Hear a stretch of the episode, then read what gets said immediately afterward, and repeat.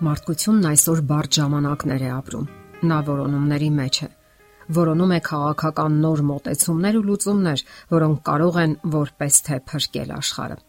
Աշխարի բոլոր քաղաքական գործիչները, ազնիվ թե անազնիվ, ցանկանում են այնպիսի մի աշխարհակարգ ստեղծել, որը կբավարարի մարդկային բոլոր պահանջմունքները։ Իսկ արդյոք իրատեսական են նրանց այդ լավագույն ցանկություններն ու երազանքները, թե մարդկությունը պարզապես դոփում է տեղում եւ ոչ միայն առաջ չի գնում, այլ մի բան էլ հետընթաց է ապրում։ Մեծ կարևոր իրադարձություններ են կատարվում։ Գալիքը անհայտ է ու խորթավոր։ Մարդիկ հենարաններ են որոնում։ Նրանք թափառում են աշխարից աշխարh մի կտոր հացի եւ հուսալի խարսխի համար, սակայն հանգստություն չեն գտնում ոչ միտեղ։ Պատերազմները ամենուր են Ոչ մի երկիր ապահովագրված չէ ահաբեկչությունից։ Որքան էլ ուժեղացնեն հսկողությունն ու պաշտպանական միջոցառումներ ձեռք առնեն, հանկարծակի պայթում են ռումբերը եւ հազարավոր մարդկային անմեղ կյանքեր խլում։ Չեն դադարում պատերազմները։ Հազարավոր պայմանագրեր են կանգվում հանուն խաղաղության եւ սակայն դավադրաբար պայթում են ռումբերը եւ շաչում են մահաբեր ավտոմատները։ Զոհվում են երիտասարդները եւ անգամ երեխաներն ու ծերերը։ Այս ամենի պատճառն այն է, որ մարդիկ շեղվել են Աստծո ճանապարհներից։ Ինչպես եղել է առաջներում, երբ ապրում էին քեֆ ուրախությունների մեջ, խախտում էին Աստծո օրենքը առանց խղճի խայթի։ Երկիրն այսօր էլ լի է հանցագործություններով ու անառակությամբ։ Մարդիկ անբարո կյանք են վարում, խափում ու գողանում միմյանց։ Նրանք турք են տալիս իրենց անսանց կրքերին, ապա փորձում արդարացնել իրենց ամենանողկալի հանցագործությունները։ Մարդիկ այն կարծիքին են, որ եթե արդարացնում են իրենց հանցանքները, թաքցնում են մարդկային դատաստանից, կապեր, ճանոթություններ ու գումարներ են մեջտեղ բերում, ապա նույն հաջողությամբ կարող են խուսափել նաև Աստծո դատաստանից։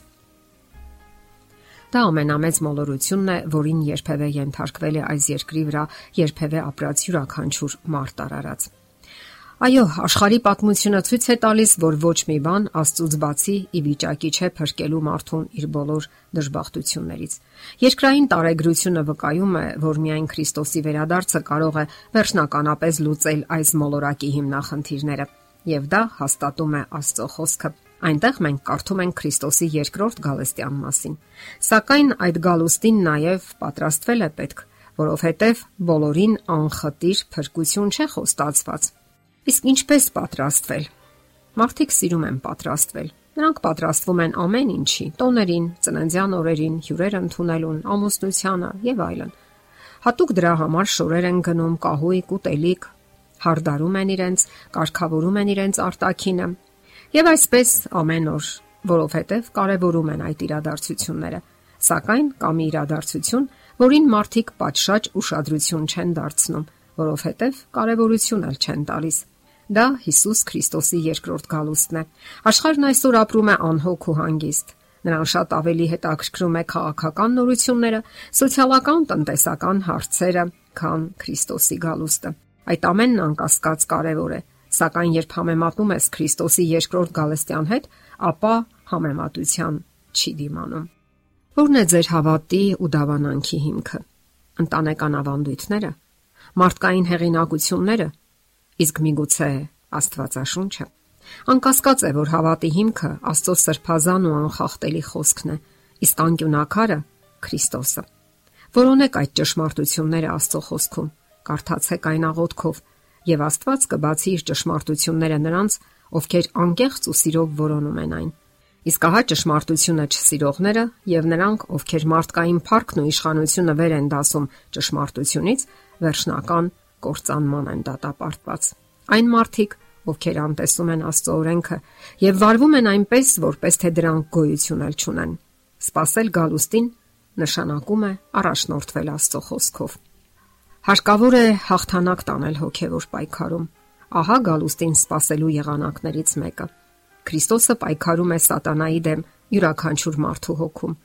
Նա, որ հանուն մեզ մահացել է խաչի վրա եւ հաղթել սատանային ու մեղքին, այսօր էլ պատրաստ է հաղթել նրան մեր սրտում եւ ազատ ագրել մեզ հավերժական կործանումից։ Ընտրությունը մենք ենք կայացնում, ինչ Քրիստոսն ամեն պահի կանգնած է մեր սրտի դռների առաջ։ Կարդում ենք. Ահա ես դռան առաջ կանգնած եմ եւ թակում եմ։ Եթե մեկը լսի իմ ձայնը եւ դուռը բացի, Ես կմտնեմ նրա մոտ եւ ընթրիկ կանեմ նրա հետ եւ նա ինձ հետ։ Ով որ հաղթում է, կտամ նրան, որ ինձ հետ նստի իմ աթոռի վրա, ինչպես ես էլ հաղթեցի եւ նստեցի իմ հոր հետ նրա աթոռի վրա։ Իսկ երբ կգա Հիսուսը, խոսելով իր գալստյան մասին Հիսուսն ասաց.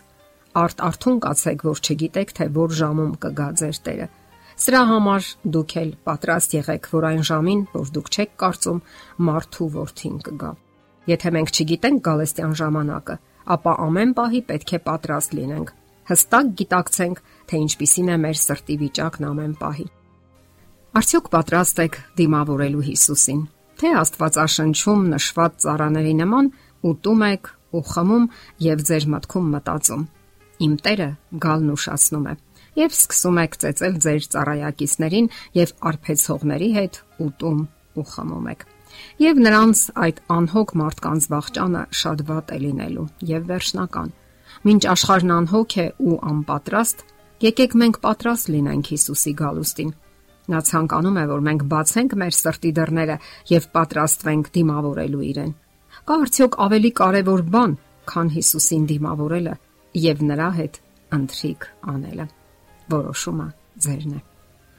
Եթերում ղողանջ հավերժության հաղորդաշարն է։ Ձեզ հետ է Գեղեցիկ Մարտիրոսյանը։